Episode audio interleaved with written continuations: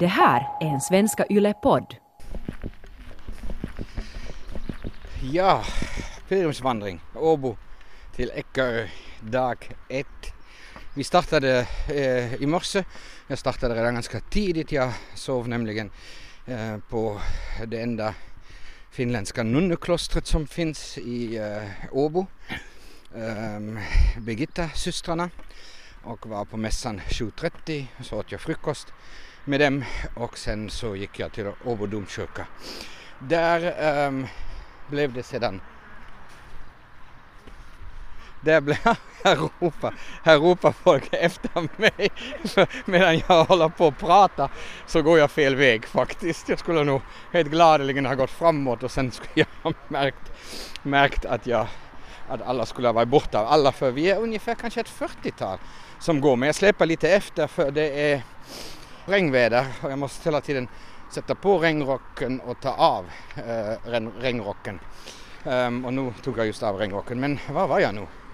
Um, ja, uh, domkyrkan och där uh, fick vi uh, goda ord på vägen av biskop Björn Wikström, alltså en liten andakt. Um, och så um, skickades vi iväg också med en botkavle som vi då Eh, ska bära med oss och den ska gå hela vägen till Trondheim, alltså den var från ärkebiskopen i Åbo till eh, hans kollega i Trondheim i Nidarosdomen. Eh, där var den heliga Olof ligger begravd.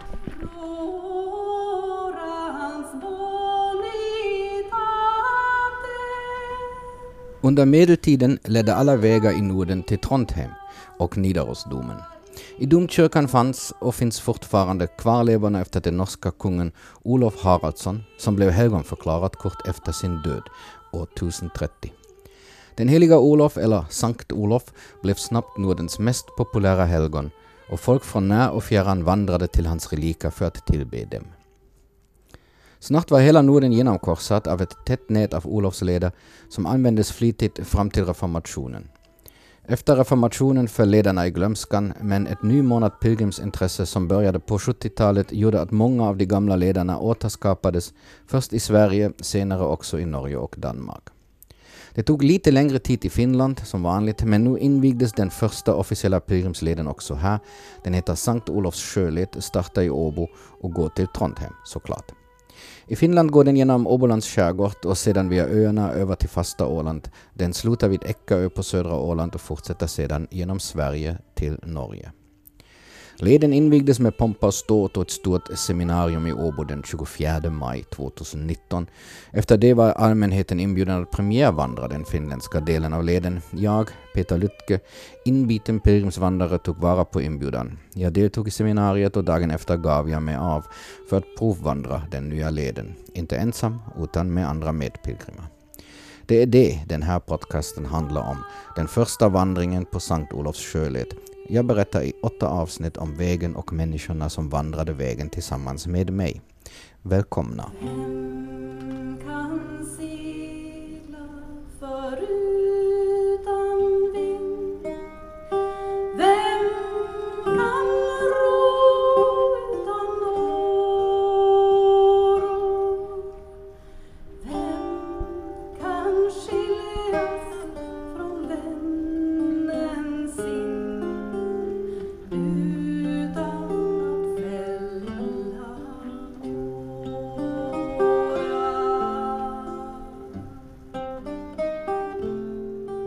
Heter Sofia Salin och jag jobbar både som musiker på olika sätt och eh, som projektledare i ja, men bland annat Sankt Olavsledprojekt men även andra landsbygdsprojekt och kulturella projekt. Och du kommer från Sverige. Det börjar väl också en Olofsled? Ja, exakt. I Sundsvall, i Selånger utanför Sundsvall, så börjar Sankt Olavsleden som går till Trondheim. Då. Och det är ju en, sägs att det var där han färdades den sista turen där till Sticklestad längs den leden. De sista dagar innan han dog? Mm, ja, precis. Um, men du ledsagar oss här med musik. Du uh, förknippar så att säga leden med musik. Hur kommer det sig? Ja, det, jag bor vid Sankt Olavsleden och med min bakgrund som musiker så Först var engagemanget för Sankt Olavsleden mer för att utveckla landsbygden men det visade sig ju snabbt att det fanns så mycket intressant historia bland personligheterna som var kopplade till leden och också musiken som finns längs med den här Sankt Olavsleden då, vilket ju gäller för alla pilgrimsleder att på orterna längs med så finns det mycket musik och ja, det kändes bara helt rätt att börja skapa berättelser och konserter utifrån det. Men du har då tydligen eh, både forskat i gammal musik och sen också äh, lagt till äh, egen eller? Ja exakt, jag använder till exempel gregorianska sånger ifrån eh, 1000-talet och 1100-talet och eh, det är ju när man stöter på musik som jag känner anknyter till leden så vill jag gärna ha med den. Och, ja.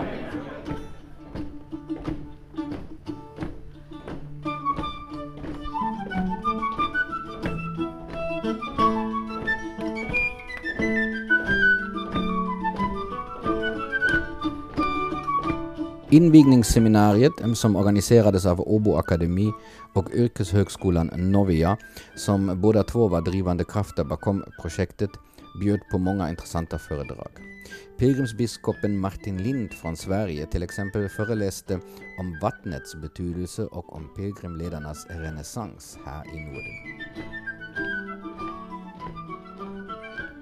Hur betydelsefull är vatten för eller på en pilgrimsvandring?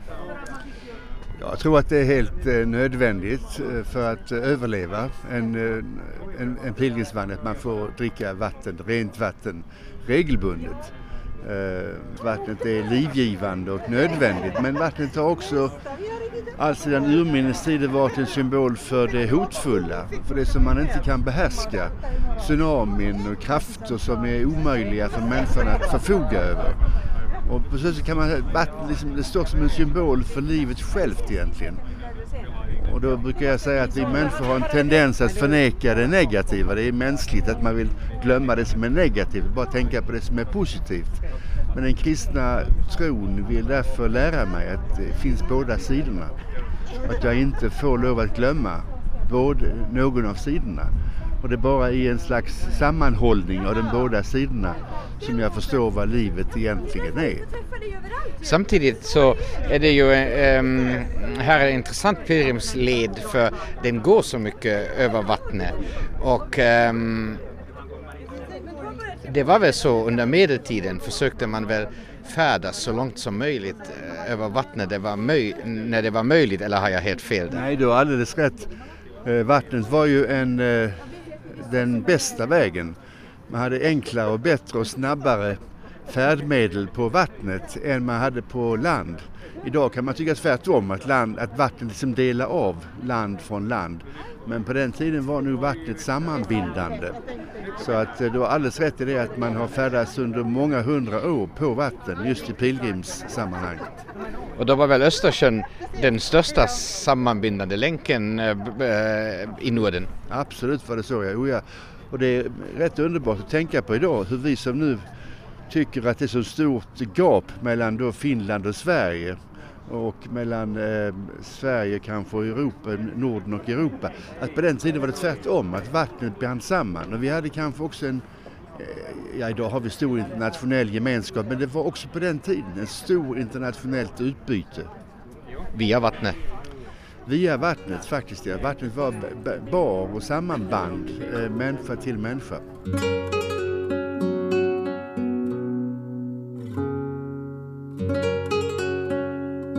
Jag själv är katolik så att, att, att jag kan ibland känna eh, att, att, att ni klampar på våra områden nu när, när, när, när så att säga pilgrimsfärderna har blivit, eh, har blivit så omtyckta äh, igen. Men ähm, vad tycker man själv inom den protestantiska kyrkan? Ähm, att, eh, det fanns ju en viss press utifrån att folk ville göra det. Du var också inne på det på 90 80 och 90-talet. Att, att, att, um, var, det en, en, var det en lätt process att ta till sig det här igen?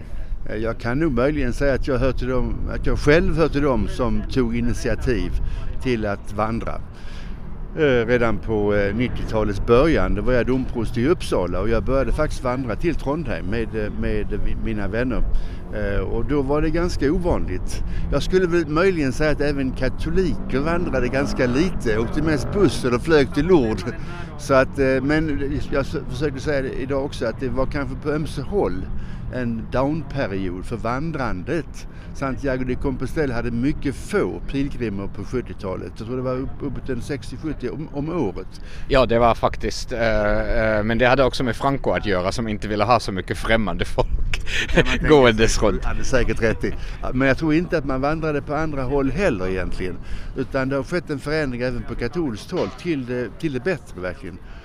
Idag är det väl 300 000 som vandrar om året till Santiago de Compostela. Jag har själv vandrat en gång dit också, bara 14 mil, men dock var det en vecka jag vandrade. Så att det har skett på ömse håll och det försökte jag också säga då att det är kanske tidens tecken. Exakt vad det beror på vill jag inte bestämt säga. Jag tror vi behöver tänka mer på det. Men det är ett tydligt tidens tecken från olika kristna samfund att man uppgraderar vandrandet och ser det som en eh, eh, en handling där jag kan komma närmare mig själv och kanske även närmare naturen eh, och närmare andra människor om jag vandrar tillsammans med dem. Och naturligtvis också närmare livet självt, närmare Gud. Eh, och på så sätt kan man säga att pilgrimsvandringen är en, eh, är en pedagogiskt sätt att växa som människa.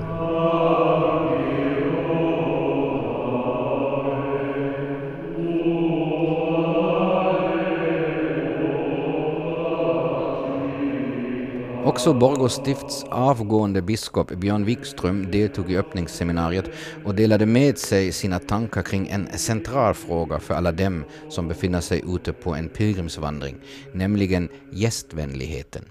Ja, det finns ju redan i Gamla Testamentet och, och många bilder av, av, av, Gud som ställer till fest och, och, och bjuder in folk från, från, från hela världen.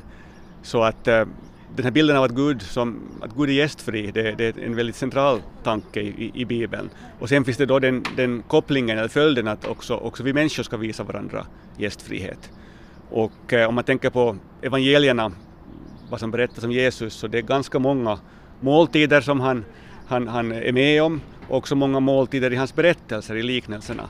Så att han tycks utgå från att, att bordsgemenskapen är någonting väldigt viktigt och någonting som också symboliserar vad det skulle borde handla om i Guds rike, en bordsgemenskap som eh, dit, dit alla är inbjudna också, det som av olika orsaker själva kanske känner att de inte är värdiga eller som av andra får höra att de inte är värdiga. De som har pilgrimsvandrat tidigare har säkert märkt att just också bordsgemenskapen är en viktig del. Man träffar hela tiden främmande människor, går en bit och på kvällen så äter man en bit tillsammans och sen så skiljs man åt. Kan man jämföra en sån här um, måltid när man är på pilgrimsfärden? Är det någon slags eukaristi? Jag tycker det är något väldigt, väldigt djupt um, andligt och, och också kristet i, i, i bordsgemenskap. Och det som är spännande med, med samtal är ju det att man i ett gott samtal så vet du inte på förhand riktigt vart samtalet går utan, utan du, det ena ger det andra och, och, och man, man, man gör nya associationer och nya kopplingar och båda förhoppningsvis har också en, eller alla som är med har en, en, en beredskap att, att lyssna på den andra och ge den andra tid att, att, att berätta. Så att jag tycker det finns något väldigt hoppfullt i det här att, att, att, att, att en, en, en inbjudande fungerande bordsgemenskap är en bild för hur, hur livet är när det är som bäst. Nu är det igen en pilgrimsled som startar i Åbo och ska gå till Trondheim. Uh, finländarna förknippas inte så mycket med gästfriheten som vissa andra uh, länder. Hur tror du det går? Vi ska komma ihåg att det här är ju också ett eh, kommersiellt projekt på det sättet. Det är ju ett, ett, ett sätt att få turister att komma, få pilgrimer och den vägen också förlänga säsongen för, för företagarna i, i, turistföretagarna i, i skärgården. Och det, det, ska vi inte, tycker jag, det ska vi inte förneka och det ska vi också ha förståelse för att det här är en viktig del av det. Men sen eh, vilken, vilket bemötande du får när du kommer till ett ställe och, hur du blir behandlad. Det handlar inte bara om, om, om vad, vad, man, vad man kan köpa så att säga, utan, utan vill vi komma på nytt så har det väldigt mycket att göra med hur vi har känt oss bemötta. Så jag tror att, att, att det här med att det finns en kommersiell sida är, är bara en, en del av saken, utan den här gästfriheten handlar om hur vi, hur vi bemöter varandra som, som människor. Pilgrimsleden går ju genom Borgå stift eh, kan man ju säga. Um, finns det beredskap att, att, eh, att hålla kyrkorna um, öppna längs med vägen under dagen? Det finns ett system hur, hur frivilliga i församlingen eh, byter av varandra så att kyrkan ska kunna vara öppen och på det sättet att, att man ska kunna komma in dit och det tycker jag är jätteviktigt. Björn Wikström, ska du gå en bit jag ska i, imorgon när, när jag är med och, och öppnar den så kommer jag att gå, gå med men tyvärr kan jag bara gå, gå en halv dag till Sankt Karins någonstans. Sen ska jag åka till Borgå och, och tillsammans med min fru ställa ordning för prästvigning som vi har på söndag. Men, men vi, vi, har pratat om det ofta tillsammans med min fru att vi kommer absolut att att, att gå den här rutten och också gärna andra rutter framöver när jag hoppas och tror att jag kommer att ha lite mera, mera tid att planera också för sånt i, i, i mitt liv framöver. Men då går vi imorgon en halv dag tillsammans. Tack Björn. Tack, det gör vi.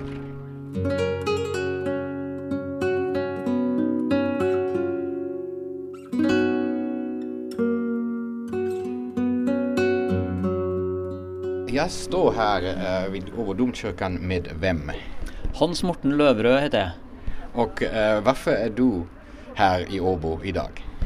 Det är en glädjens dag i, både i Åbo och i Trondheim, var jag kommer ifrån. Uh, öppningen av St. Olav Waterway är en, uh, en viktig begivenhet både för uh, er här i Åbo men också för oss i Trondheim som jobbar med St. Olav Ways som pilegrimsruter i Norden. Eh, jeg er leder for det nasjonale pilegrimssenteret i Norge, og også route manager for eh, St. Olav Way som europeisk kulturvei. Um, vem tog initiativet till vägen eh, så att säga från Åbo till Trondheim? Var det ni eller kom det från Finland? Det kom från Finland och det är väldigt bra för det är viktigt att, att det är ett lokalt och regionalt ägarskap knyttet till de olika pilgrimsledene. Eh, vad betyder det här för logistiken i eh, Trondheim? Att nu mitt i allt får ni eh, då, eh, människor från Finland dit som inte eh, kanske klarar sig på norska så som svenska och danska till exempel gör. Är ni förberett på det? Vi har uh, jobbat för detta i många år. Uh, och vi har allerede en del finska gäster som kommer, finska pilgrimer som går uh, Eh, Sankt Olavsleden från Selonger i Sverige. Eh, så vi, vi är beredda på att ta emot eh, både finska och russiska och svenska gäster. Eh, och så ser vi det att eh, även om det kan vara barriärer i språket, så, så, så lägger vi godviljen till så förstår vi varandra med fingerspråk och lite engelska och lite eh, svorsk och lite olika. Hur många människor kommer det eh, under ett år till Trondheim, pilgrimer? Det er et veldig godt og vanskelig spørsmål, for det er vanskelig å telle pilegrimene. Noen kommer og er pilegrimer én dag i Trondheim, noen har gått hele veien fra Hamburg eller fra Oslo eh, eller fra Selunger. Men eh, vi deler ut et, eh, et, Olavsbrev til de som har gått minst de siste 100 km. Og i, i, forrige året så delte vi ut ca. 1200 Olavsbrev. Og det, dette tallet øker for hvert år. Og når vi får flere fra Finland, så vil det nok øke ytterligere. Lov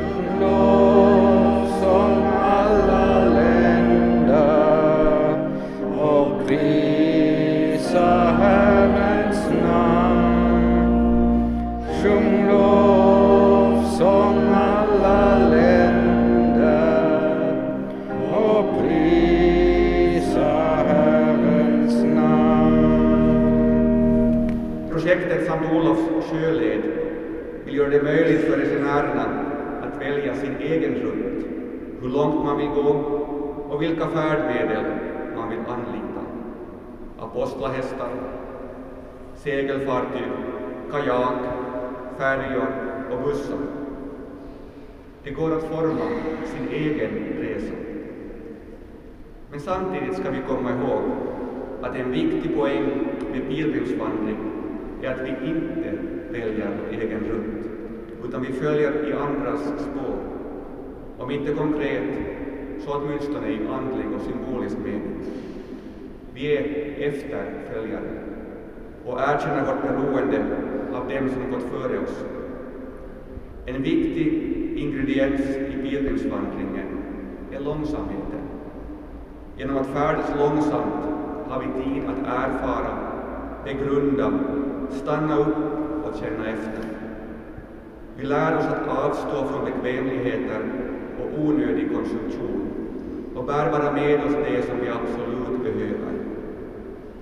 Det är en bra skola för livet och jag tror att de flesta pilgrimer kommer tillbaka förändrade till kropp och själ. Och vi fortsätter tillsammans med pilgrimsbönen från Nidaros domkyrka. Gud, här har vi ditt altare, vår rastplats. Här ställer vi ifrån oss vandringsdag. Vi tackar för alla hjälpande händer, för all skapande gemenskap som vi är delaktiga av. Bevara oss från ett stillastående liv. Ge oss vilja att lämna vår självupptagenhet. Ge oss förmåga att finna de vägar som leder till rättfärdighet och hopp. Stöd vår längtan efter att gå nya vägar som visar att det finns mål och mening med våra liv.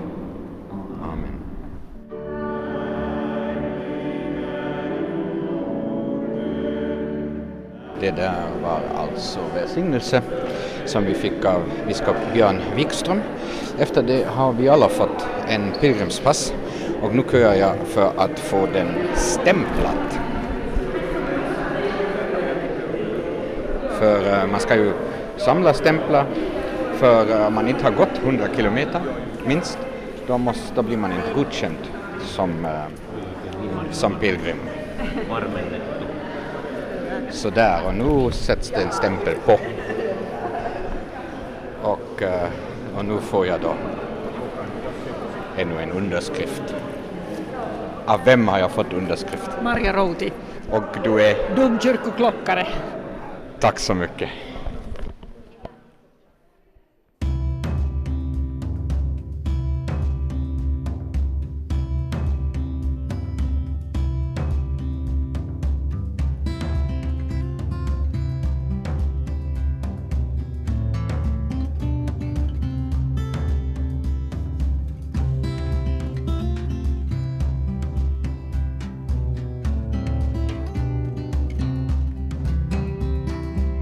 Seminariet slutade, som ni just hörde, med en pilgrimsmässa.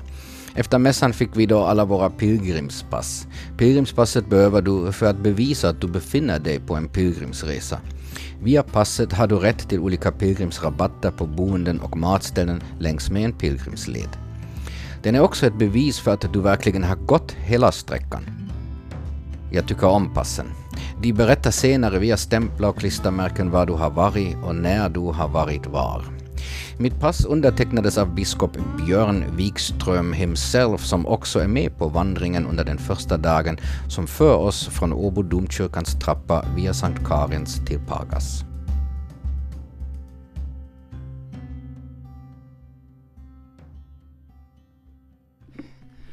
Ja, regnade ordentligt. Jag går mitt genom ett vattenområde på en stång som är halt som bara den. Om jag stannar ni kanske hör att det regnar.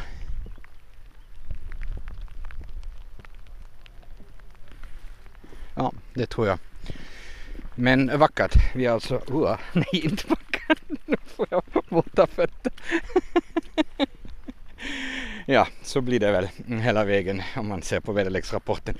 Um, ja men det är vackert. Vi har alltså lämnat Åbo uh, nu bakom oss um, och närmar oss eh, lunchställ. Jävla är det mycket vatten um, här. Bra att jag har sådana kängor som är vatten, vattentäta och höga. Vad är för övrigt med killen som gick i krocks och de där vita tennissockor, tennissockor tror jag måste springa ikapp honom och se um, hur, det, hur det är med hans eh, fötter. För han borde nog efter den här biten vara dyblöt. Somliga tycks vara um, vana pilgrimsvandrare. Um, andra går med det som de har hittat i garderoben i morse eller när de hade packat men sånt diggar jag ju. Um, till exempel mannen som har en fin pilgrimsstav och går i crocs och vita tennis, eh, tennissockor. Uh, lyfta min hatt. Jag verkligen uh, diggar sånt för pilgrimsvandringen. Um, där behöver man inte vara beväpnad upp till tänderna. Det ser jag också mannen som också är intressant. Han har lite mera packning med sig. Det kan hända att han övernattar i tält men han bär inte på det utan han, han skuffar det i en barnvagn. Så kan man också göra. Du går i crocs. Jo, det, det är olämpligt va? Vi gick ju just här över sådana spångar och de var ju eh, helt vattensjuka. Kan Så har du, har du vita strumpor i det. Eh, du har alltså mycket våta fötter just nu eller? Vi ska säga så här att jag kanske inte riktigt tog optimalt perfekt klädsel för det här uppdraget men jag är väldigt glad att jag går här med eller utan skor. Det är ju egentligen ingen skillnad nu eller? Nej, jag tänker nog att en pilgrimsvandrare går i Sahara, i Nordpolen när det är snöstorm och bara tar sig fram sakta men säkert i en monoton och jämn rytm. Nu går vi upp för en jättelång trappa. Eh, Upp för en ås. Det är nog ganska tufft. Vet inte hur de med barnvagn ska klara det. Ska se. Hej, nu, nu klarar vi av det. Jo då, det gick bra. Du har, du har blivit svettig. Ja, svetten rinner alltid. Vad tror du hur det är med barnvagn då? Ja, de får det jobbigt. Jag tror det finns någon stig men den är ju lika brant som den där trappan. Men kanske lite lättare, lättare att, att gå på. Ja. Ja, Det här är som fjällvandring. ja verkligen. verkligen. Jag ska inte... Just det. Jag säger som tanten som bad när hon hade det svårt så sa hon på österbottniska ta hän mig eller ge mig kraft till Gud. Ta mig härifrån så jag får komma hem till dig eller ge mig kraft att fortsätta. Ja, det är som man brukar säga i Tyskland. Gå med god men gå. Ja. Det var många trappsteg. Räknar du? No, det, jag räknar inte. Någon ska också försöka komma med en barnvagn men kanske de kommer en annan väg. Ja, jag hörde att de, de ska ta. Men det är ju alltså. De visste inte att vägen är så här men ingen vet ju för ingen har ju gått den här vägen tidigare. Det är ju en helt ny väg. Jag har också sett eh, på vägen till Santiago att folk har haft sin packning med i en sån här barnvagn eller sån här cykelvagn. Men, eh, och de har ju eh, tre, pack, tre personers packningar i en barnvagn har de berättat för mig. Men jag tror att de ångrar det Ja. nog redan lite. Ja, jag, jag tror att de ska sparka barnvagnen åt sidan och glömma att den finns. Ja. Det här är verkligen häftigt. Det går fortfarande, det går fortfarande uppåt. Åh, nu har vi någon jäkla fin utsikt. Men i det här regnet är de här bergsknallarna inte heller så bra. De är hala som bara de.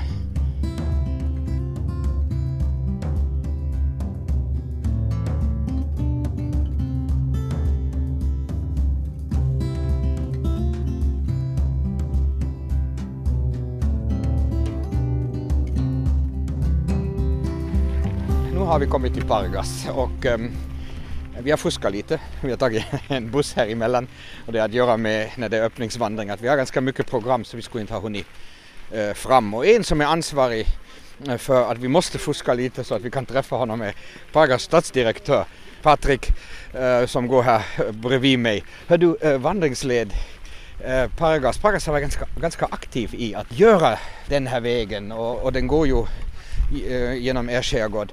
Um, vad, vad har du för förhoppningar på det, på det här?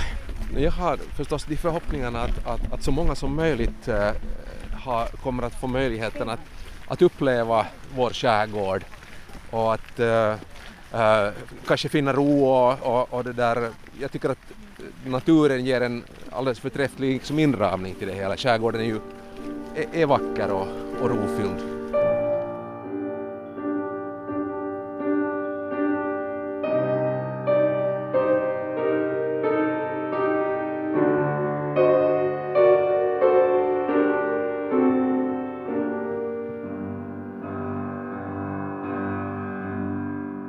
Intressanta och mycket våta människor som ska följa med mig. Somliga bara en delsträcka, några kommer att bli mina trogna följeslagare. Vi ska övernatta i Åbolands nedlagda folkhögskola i Pjukkala. Jag tror att jag kommer att sova gott och hoppas att allt som jag har på mig torkar fram tills imorgon. Herre, ber idag för alla pilgrimsvandrare, för alla människor som är